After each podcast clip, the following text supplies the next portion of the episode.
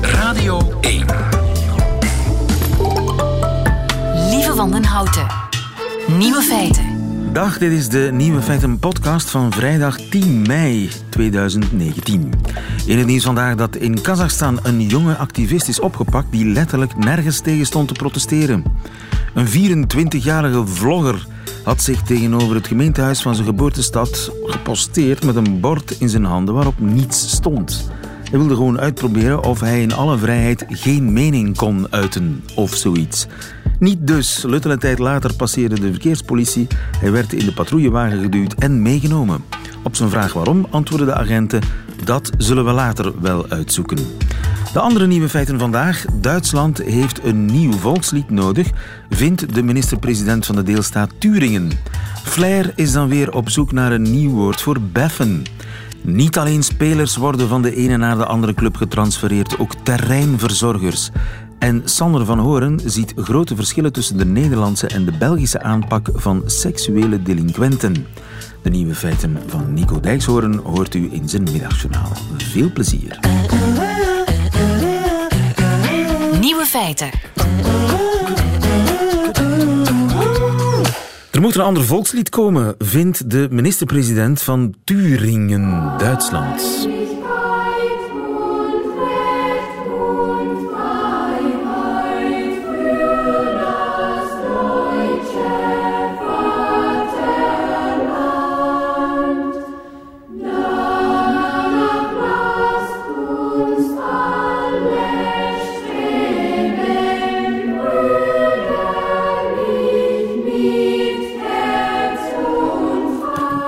Voorzichtig ga ik het onderbreken, want ik, het is eigenlijk respectloos om het te onderbreken. Geert van Istendaal, goedemiddag. Goedemiddag. U had kunnen meezingen. Eh, ja, min of meer toch, ja. Dit is het Duitse volkslied. ja. Eh, Bodo Ramelov, jij bent Duitslandkenner en eh, auteur ook van prachtboeken over Duitsland. Bodo Ramelov van Ja. de linksradicale partij Die Linke, Ja. die minister-president is van Turingen in de voormalige DDR, die wil een nieuw volkslied. Ja, die, die- hij, eigenlijk is dat eigenaardig, want hij komt uit het Westen. Hij is een West-Duitser die minister-president is geworden in een Oost-Duitse deelstaat. natuurlijk ja. eh, wortel geschoten heeft in, in dat deel van eh, Oost-Duitsland dat Turingen heet en daar minister-president is. Ja. En hij stelt vast dat de Oost-Duitsers eh, de nationale hymne eh, niet meezingen. Klopt dat? Ja, min of meer. Zij voelen zich natuurlijk, wat die nationale hymne betreft, niet alleen economisch gekoloniseerd, maar ook cultureel en symbolisch gekoloniseerd. En dat klopt wel. Toen, toen de twee landen samenkwamen, dus na 1989, hebben de Oost-Duitsers heel voorzichtig eh, voorgesteld om eh, iets met hun nationale hymne te doen en misschien de twee hymnes samen Zij hadden een hele mooie nationale hymne, hè? Ja, heel mooi. ja. Aus, auferstanden aus Ruinen. Ja, opgestaan uit ruïnes und der Zukunft zugewandt, een gericht naar de toekomst. Last ons dir zum Guten dienen, laat ons jou voor het goede dienen. Duitsland, enig vaderland.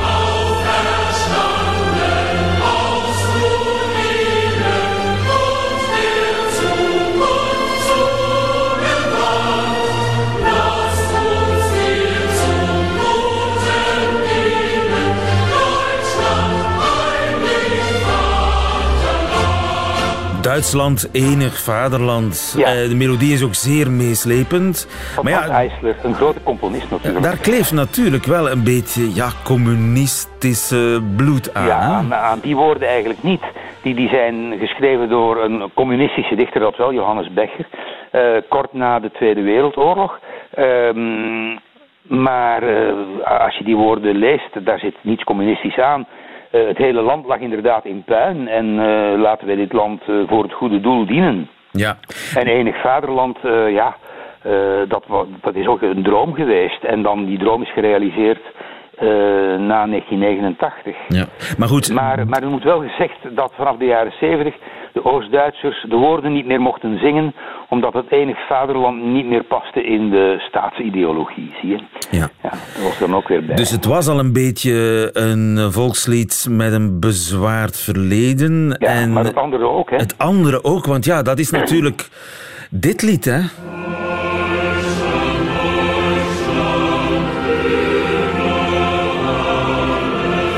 Dat is het oorspronkelijke lied. Ja, Hoe zit dat ook alweer?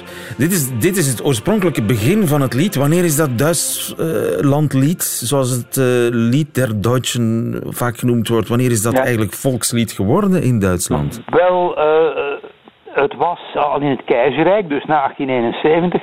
En zeker ook in de Weimarrepubliek. Met die eerste strofe erbij.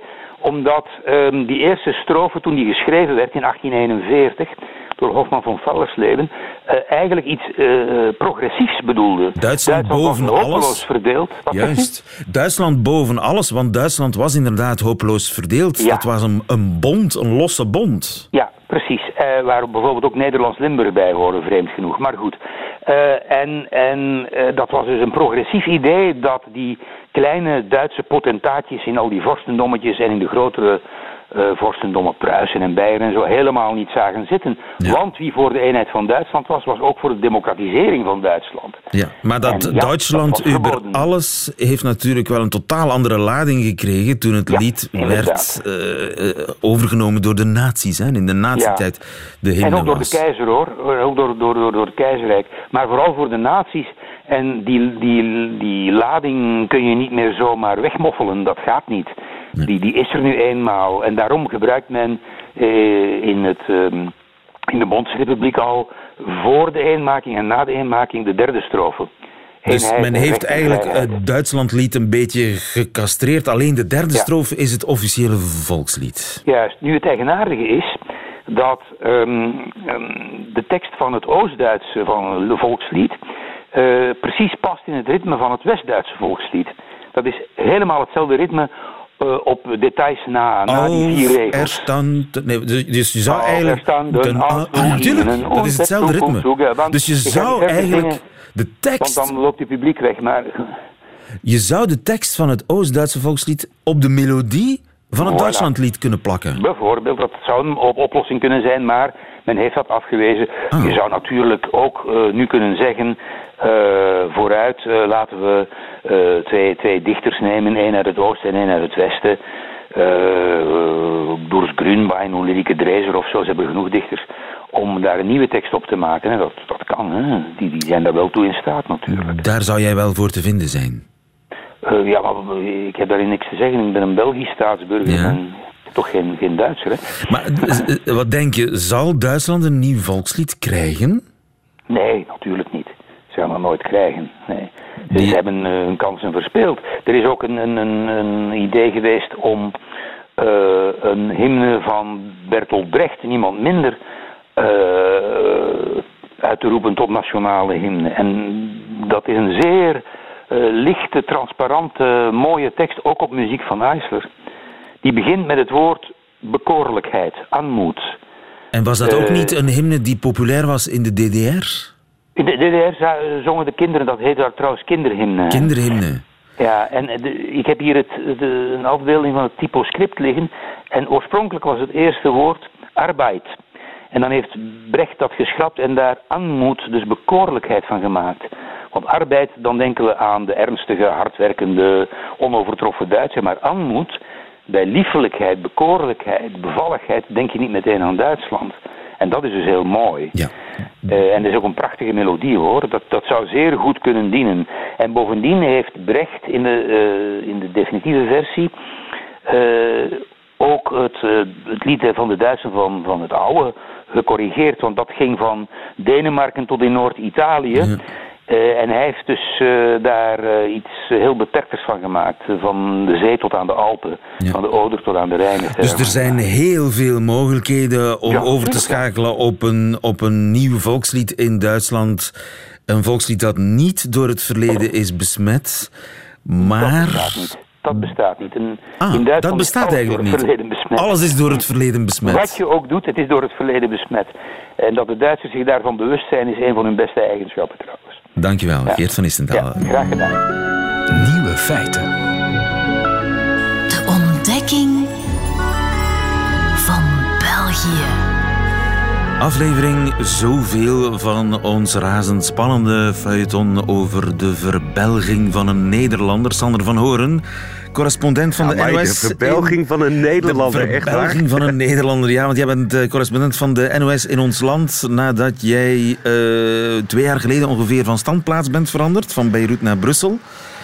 Sander, want jij bent op dit ogenblik zelfs in Roemenië, want je volgt ook de Europese ontwikkelingen voor de NOS. En in Sibiu in Roemenië is er een uh, informele Europese top uh, aan de gang. Of die is al voorbij net, of die is nog bezig. Nee, die is al voorbij. De regeringsleiders die zijn al naar huis en uh, de journalisten die vliegen uh, in grote getalen vandaag. Maar ja, zelfs hier kon ik niet om het uh, nieuws van de afgelopen week heen. Wat natuurlijk al speelde voordat ik naar Roemenië ging. Ja, dat is dan toch wel de, de, de verkrachting van en de moord op Julie van Espen. Ja, die was ook in Nederland in het nieuws. Hè? Hoe komt dat dat in Nederland ook zoveel nou. belangstelling was voor die, die afschuwelijke moord? Twee hele duidelijke redenen. Uh, de eerste reden is natuurlijk dat zoiets zo dichtbij, want België is dan toch heel dichtbij, um, raakt op dezelfde manier waarop het in Nederland raakt. Uh, uh, sowieso ouders van dochters die worden hierdoor geraakt. Me meisjes die op de fiets gaan, studenten worden geraakt. Ik bedoel, het raakt op zoveel manieren aan je eigen leven. En iedereen stelt zich dus op verschillende manieren, ook in Nederland, de vraag: wat als het mij zou overkomen, wat als het mijn dochter zou overkomen. Maar een hele belangrijke reden waarom het natuurlijk bij ons ook zo speelde... is omdat we uh, een, een, jaar geleden dezelfde uh, zaak bijna hebben gehad. Met Anne, Anne Faber, ook een meisje. Ja. ja. precies. Ja. He, dus ook een, een meisje uh, wat gedood is, waar er fouten zijn gemaakt, waar er veel maatschappelijke verontwaardiging en verontrusting was. Dus dat zijn allemaal punten die raken aan uh, uh, de moord op Julie van Espen. En dan is de vraag uh, bij ons ook vaak geweest: zou dit in Nederland anders zijn aangepakt? Want ja, de moordenaar van Anne Faber, was dat ook iemand ja. met een verleden? Een strafblad? Dat was, was dat ook een recidivist? Zeker, en die dus ook behandeld werd op een manier die in België anders zou gaan. Dus daar zit een verschil.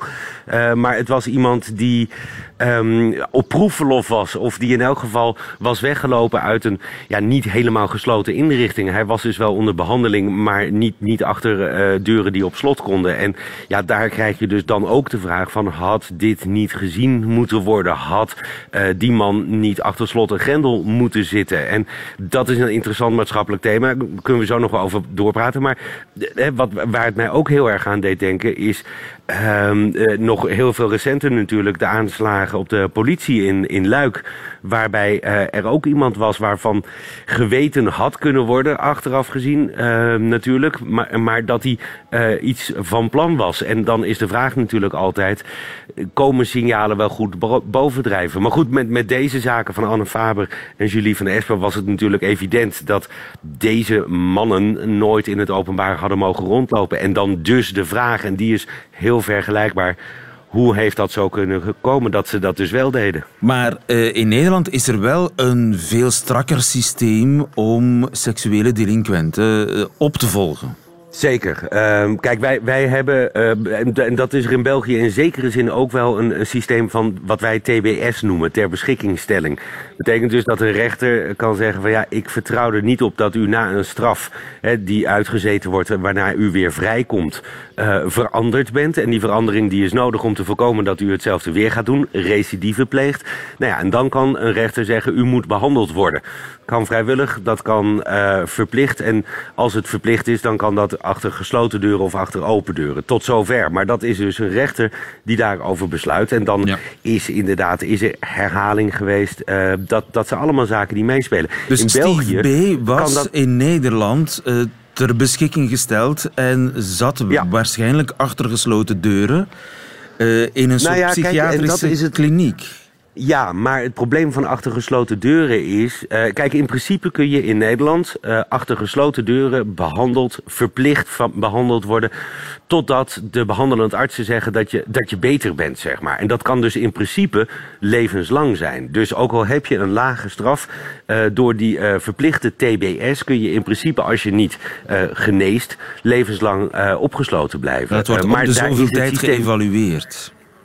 En het systeem is daar niet op gericht. Het systeem is erop gericht dat je op uiteindelijk weer in de samenleving komt. En dat is natuurlijk ook wat uh, de notie is in het Belgische strafrecht. Je sluit mensen niet levenslang op of je geeft geen doodstraf. Het gaat erom dat mensen uiteindelijk terugkomen in de maatschappij nadat ze hun straf hebben uitgezeten en nadat ze eventueel behandeld zijn. Alleen in Nederland, en daarom kon die uh, moordenaar van Anne Faber dus ook vrij rondlopen. In Nederland ga je na verloop van tijd bij goed gedrag, als de psychiaters dat vaststellen, ga je meer vrijheden krijgen. Ga je proefverlof krijgen. Ga je naar een minder gesloten inrichting. En dat kan ook En daar kunnen dus inschattingsfout. Dat gaan, kan ook fout gaan. Maar het probleem, want daar begonnen we over liever Kijk, in België is het systeem natuurlijk ook weer iets anders. Want daar kan een rechter zo'n maatregel van dwangverpleging, want dat is het eigenlijk, alleen maar opleggen uh, uh, als je echt knettergek bent. Als je echt volledig ontoerekeningsvatbaar bent. En in Nederland hebben rechters daar toch meer vrijheid in. Je kunt een beetje ontoerekeningsvatbaar zijn ja, en zolang een rechter denkt, uh, u bent met een straf alleen niet onschadelijk, dan, dan, dan kan die daar al uh, over beginnen te denken, over dwangverpleging. En in België ligt die lat veel hoger. En ja, dat, dat, dat zie je dus ook. Hè. Wat, wat zou er gebeurd zijn op het moment dat iemand in het systeem had gezegd, deze man die is zo verward, die heeft al twee keer een uh, geweldsdelict, een seksueel geweldsdelict gepleegd. Die gaan we dus niet vrij laten rondlopen in afwachting van zijn hoger beroep. Want dat is het. En dan vind ik het mooie toch wel dat de ouders uh, van Julie daar nu niet heel erg aan het zwarte pieten slaan. En dat ook de politici dat voorlopig achterwege laten. Dat er gewoon toch wel met een onbelgische rust en een on-Nederlandse rust gekeken wordt naar de uitkomsten van het onderzoek. En naar de uitkomsten ook van de reconstructie. Hoe dit zover heeft kunnen komen. En dat er toch ja, gekeken wordt naar verbetering van het systeem. Maar tegelijkertijd, ja, ik ben me een beetje aan het inlezen nog altijd in België. En stuk voor stuk kom je dan verder terug in de geschiedenis. Dat hebben we natuurlijk alles eerder gezien. Hè? Na uh, het proces van Dutroux hebben we natuurlijk gezien dat maatregelen aangescherpt werden. Dat uh, procedures uh, verstevigd werden. Maar dat verslapt na verloop van tijd. Ja. En dat is natuurlijk altijd het gevaar dat als je op basis van een incident uh, maatregelen neemt, ja, dan moet je daar wel jarenlang, decennia lang bovenop blijven zitten. En ook dat is in het geval van de moordenaar van Julie van Steve B. is dat niet gebeurd. Kortom, uh, ons ministerie van Justitie kan op studiereis naar Nederland om te zien hoe ze daar aanpakken. Ja, met die TBS, uh, de, de, de, om dat wat anders te regelen in het Belgisch wetboek van uh, strafvordering, dat lijkt me. Uh, je mag trots zijn, Sander. Nederland, ja, gidsland, nou ja, toch maar weer. Ja, maar Nederland, en, gidsland. Ajax, ik bedoel, allee, bedoel, ik wil er niet over beginnen, maar de nationale trots mag een beetje kan een stuntje in de rug gebruiken. Je bedoelt met die laatste tien seconden dat... Ik bedoel, ik zat die wedstrijd te kijken met een aantal Ajaxiden. En uh, ik heb niks met voetbal, maar dat deed toch plaatsvervangend pijn, ja, in die laatste tien seconden. Dus uh, trots, sterkte, ik weet het Sander, niet. Dat is wel sterkte, heel wrang om te zeggen. Ja.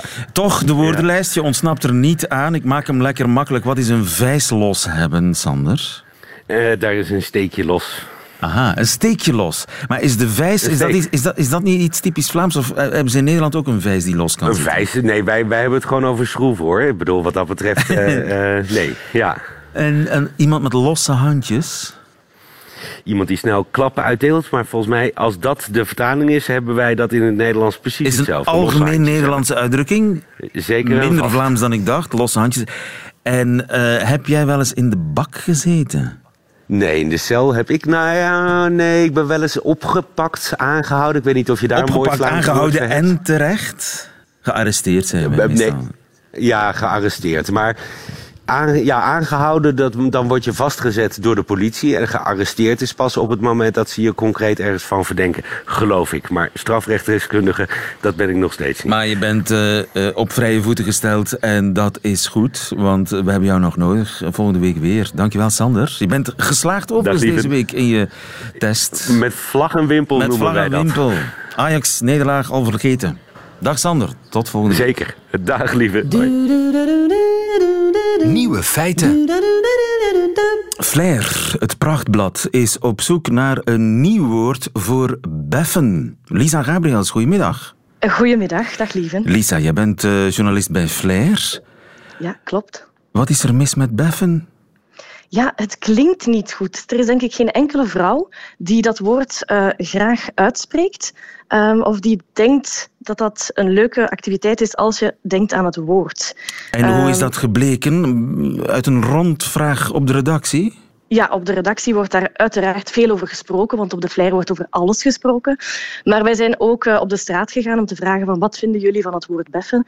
Um, en eigenlijk was er niemand die zei van, oh ja, daar hebben we het graag over, dat woord uh, gebruiken wij graag. Dus vonden wij het wel onze taak om uh, daar een nieuw woord voor te gaan zoeken. En hebben jullie de oproep al gelanceerd? Ja, de oproep is via onze sociale kanalen gelanceerd. Uh, via Instagram en Facebook en op onze site. En daar zijn toch wel al bijzonder veel reacties op gekomen. Dus het bleek wel echt dat mensen, uh, en vooral vrouwen, uh, ook wel echt op zoek zijn naar een ander woord. En de suggesties die binnenkwamen waren op zijn minst creatief te noemen. Nou, je maakt mij enigszins nou, nieuwsgierig. ja, zal ik er al een paar onthullen. Um, er bijzondere kattenwasje zat ertussen. Um, er was ook bijzonder kattenwas. Ah, nee, gewoon een kattenwasje. Gewoon okay. een kattenwasje, ja. Het is, okay. het is duidelijk eigenlijk ja. wel. Hè. Het is het uh -huh. kattenwasje. Um, er was ook de bloem water geven. De bloem er was water ook geven. Uit eten gaan. Uit... Of ontbijt op bed. Uit dat kan verwarrend zijn, hè? Ja, ja, het is waar. Het is waar. Maar kijk, onze uh, lezeressen zijn creatief. Er was ook het Australian Kissing. Uh, wat dat wel echt een... kissing, ja. Ja, Down Under. Dus dat, uh, down Under, door, creatief. Ja, ja, kijk eens aan. en dan was er ook eentje die heel veel terugkwam, uh, was Minette, omdat blijkbaar dat Minetten. is dat uh, in Limburg, Limburg gebruikt Niet wordt. alleen in Limburg. Vond ook wel een mooie. Niet is alleen, nee, Minetten is denk ik bekend. Dus Minetten, Australian Kissing, uit eten, ontbijt op bed, kattenwasje. Heb ik ze zo wat?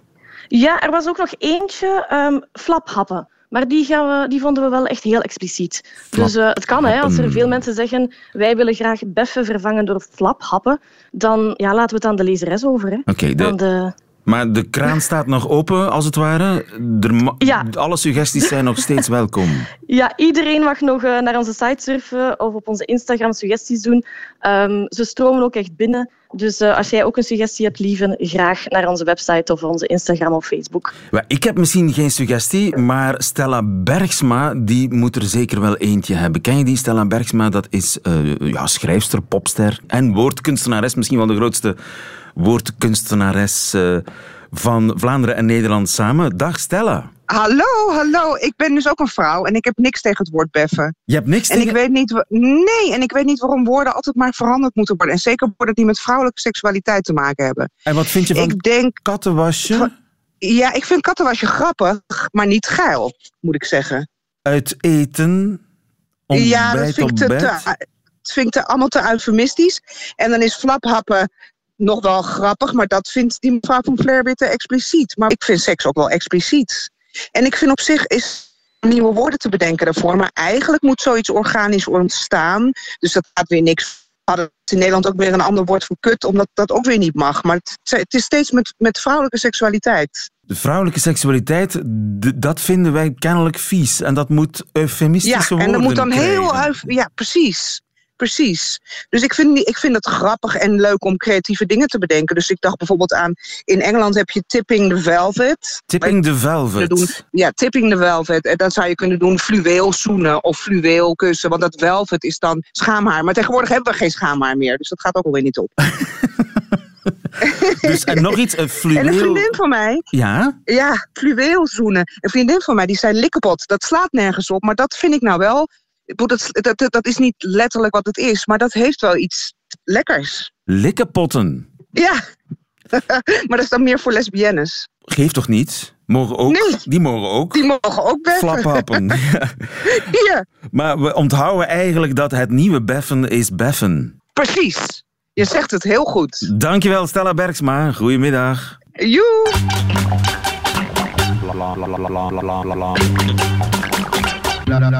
Nieuwe feiten. De echte toptransfers in het voetbal die gebeuren tegenwoordig niet op het veld, maar achter de grasmaaier. Tim van Vlasselaar, goedemiddag. Goedemiddag. Zeg Tim, hoe moet ik jou noemen? Greenkeeper, groundsman, terreinverzorger? Ja, uiteindelijk is dat allemaal uh, een beetje hetzelfde, maar uh, we zullen zeggen groundsman, omdat dat uiteindelijk, uh, daar worden ze in Engeland, zo worden ze in Engeland aangesproken. En daar is het een beetje ontstaan eigenlijk. Dus uh, ja. Verantwoordelijk voor de grasmat, jij doet dat bij Antwerp. En je bent officieel uitgeroepen tot de beste van dit moment. Gefeliciteerd. Ja, dank u wel. En goede groundsmen die zijn zeer gegeerd, want die van Gent die gaat naar Brugge, die is getransfereerd naar Brugge. Die van Oostende gaat dan weer naar Gent. Waarom zijn die transfers zo belangrijk en waarom zijn die groundsmen zo belangrijk en zo gegeerd? Ja, in eerste instantie, waarom is een groundsman belangrijk? Omdat we uiteindelijk, uh, we zijn op het hoogste niveau van België bezig in onze, in onze job. Um, dus ik denk dat het, dat het hoe beter dat de, de gemiddelde grasmat in België erbij ligt, um, hoe beter het niveau van ons Belgisch voetbal ook gewoon uh, zal zijn. Enerzijds. Dus, uh, en, en waarom een, een groundsman uiteindelijk, ja, het belangrijkste waarom dat, uh, dat ze komen uh, weggeplukt worden, denk ik, dat het vooral mensen zijn met passie. Omdat de job echt met, met heel veel passie, dat er enorm veel tijd, um, tijd en werk in kruipt. Um, dus die passie is echt wel heel belangrijk. En, en maakt het dan zoveel verschil of een ploeg op een goede mat kan trainen bijvoorbeeld en speelt de thuiswedstrijden? Ja, dat denk ik wel. Ik denk dat je, als je het hier zou vragen bij de, bij de spelers en trainers op Antwerpen, dat zij ook allemaal uh, liever op een uh, zo goed mogelijke grasmat spelen of trainen, dan dat het, uh, dan dat het moeilijk is. Um, ja. Zeker voor voetballende ploegen is het nog, nog belangrijker. Hoe beter het, het niveau van, van de grasmat, ja, hoe liever dat ze het hebben natuurlijk. Ja, maar het is dan ook in het voordeel van de tegenspeler, want die, maakt, die geniet natuurlijk ook volop van jouw werk dat, is, uh, dat kan, ja, de voetballende ploegen zullen zeker ook in het voordeel, de, uh, voordeel zijn. Maar uh, zoals ik zeg, ja, Antwerpen is zelf een, een, een, club die aan het groeien is. die gaan heel snel een topclub worden. En zij willen, willen ook gewoon een heel seizoen proberen zo goed mogelijk voetbal te spelen. En ja, dan, dan begint het bij ons om ervoor te zorgen dat het zo goed mogelijk is. En ja, oké, okay, dan uh, geniet een tegenstander daar ook van. Dat klopt. En wat doen jullie dan allemaal? Maaien, uh, dat begrijp ik. Maar wat doe je nu nog meer met die, met die grasmat? Ja, ik denk uh, voor het hoofdveld, als we even voor het, uh, het hoofdveld, het stadionveld gaan spreken, dan uh, moeten we zien dat we de, na de wedstrijd, als we wedstrijd gehad hebben, dan gaan we beginnen met herstellen. Dat is meestal met manuele herstelvorkjes eigenlijk, de speelschade dicht, dichtduwen aan de, aan de grasmat zelf. Hoe en dan zit er inderdaad... Duwen? Ja, er zijn speciale herstelvorkjes voor, ja. die dan we gebruiken. En, daar kunnen we lijkt mij. Dat, is, dat kun je wel zeggen, ja, dat kun je wel zeggen. Ja. Uh, we zitten met een 100% natuurlijke grasmat, dus dat houdt in dat, er, uh, dat wij toch uh, zeker twee volle dagen bezig zijn na een wedstrijd, puur enkel alleen Twee het dagen varkens prikken? Twee, twee, vollige, twee volledige dagen met, met de vorkje, ja. En met een hele ploeg dan? Of jij alleen? meestal, is dat, nee, meestal is dat met twee man, ja. ja, ja. En verluchten, dat moet ook gebeuren? Dat is ook wel belangrijk. Ja. We kunnen veel, ene keer om de twee maanden zoiets, gaan we dan uh, diep verluchten. En um, diep dan moeten we zien. Hoe diep gaat verluchten. Dat? Dan gaan we, dan gaan we, dan gaan we uh, met een, met een versdrain is dat. En dan gaan we tot in het zandbed prikken. Dat zijn eigenlijk ja, lange pinnen die in de grond ge, geduwd worden. En dan gaan we uh, 20 centimeter ongeveer zoiets diep. Dan moeten we in het zandbed zitten. En dat is eigenlijk vooral voor, uh, voor de doorlaatbaarheid van de grasmat voor, de, voor het water door te laten. Yes, dan heb je ja. nog ondiep, ondiep prikken. En dat is eigenlijk gewoon um, 7, 8, 9 centimeter, zoiets. En dat is eigenlijk voor de grasmat gewoon iets losser te leggen, zodat het aangenamer speler is, spelen is voor de, voor de spelers uh, op een zachte, zachte grasmat. En dan nog uh, ja, sproeien en bemesten en zo, hè, dat het uh, allemaal mooi, mooi egaal groen blijft. Ja, ja, dat komt er ook allemaal bij kijken, inderdaad.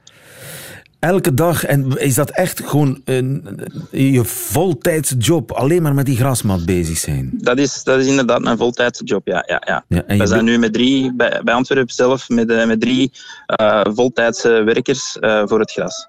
Ik ben trots op je. Ga je bij Antwerp blijven of word jij weggekocht door het grote geld? Daar kunnen we nu geen antwoord op geven, maar ik ben heel gelukkig op Antwerpen. Dat kan ik wel, dat kan ja, ik wel je zeggen. bent een echte professional. Tim van Vlaslaar, dankjewel. Goedemiddag. Ja, graag gedaan. Dag. Radio 1. Alleen de nieuwe feiten van Nico Dijkshoorn heeft u nog te goed.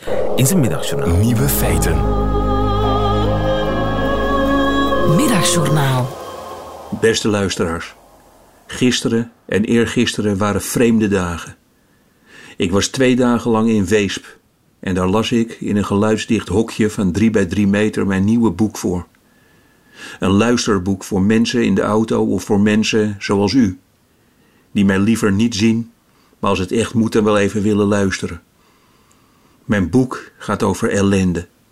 Het sterven van mijn vader, het wegkwijnen van mijn moeder in een verzorgingshuis, een reeks beroertes die mij treft, de angst voor herhaling en uiteindelijk het inzicht dat ik te lang in dit leven een egoïstische lul ben geweest, die alleen maar over zichzelf zit te praten. Dat voorlezen, in dat intimiderend kleine hokje ergens op een fabrieksterrein in Weesp, was denk ik mijn straf. Er gebeurde iets vreemds. Pas tijdens het voorlezen van het boek begreep ik wat voor inktzwart verhaal ik had geschreven. Nu ik het zelf voorlas, wat mij de laatste jaren was overkomen, schrok ik een beetje. De situatie was erg vreemd. Ik las, met een koptelefoon op mijn hoofd, heel netjes voor hoe ik mijn moeder langzaam had zien verdwijnen. Ik las een hoofdstuk voor over de keer dat ik door de brandweer uit mijn huis was getild, omdat ik niet meer kon lopen. Ik las stingen voor over de angst. Daar zat ik, luisteraars, met een glaasje water voor me en ik las een tekst voor die over mijn dochter ging. Zo intiem allemaal, in die rare onpersoonlijke omgeving. Soms moest ik stukjes tekst opnieuw doen, omdat mijn maag begon te knorren. Dat hoorde je dwars door die verdrietige zinnen heen. En nu is het klaar. Ik heb het voorgelezen. Tijdens de terugweg vroeg ik mij af waarom die twee dagen zo'n zware klus waren geweest. En ik denk dat ik het weet. Ik miste u een beetje. Nu ik dit voorlees, weet ik dat het over een uur wordt uitgezonden en dat u dan luistert. En ik zie u altijd een beetje voor me, in de keuken of in de auto. Ik denk zelfs te weten wat voor kleren u draagt. Ik miste ook het muziekje dat u nu hoort. Die prachtige vrouwenstem en daarna lieven die iets liefs of iets grappigs zegt. Ik wil u daarvoor bedanken. Pas gisteren, in die kleine studio, merkte ik hoeveel contact ik eigenlijk met u heb. En hoe fijn ik dat vind. Daar wil ik u voor bedanken.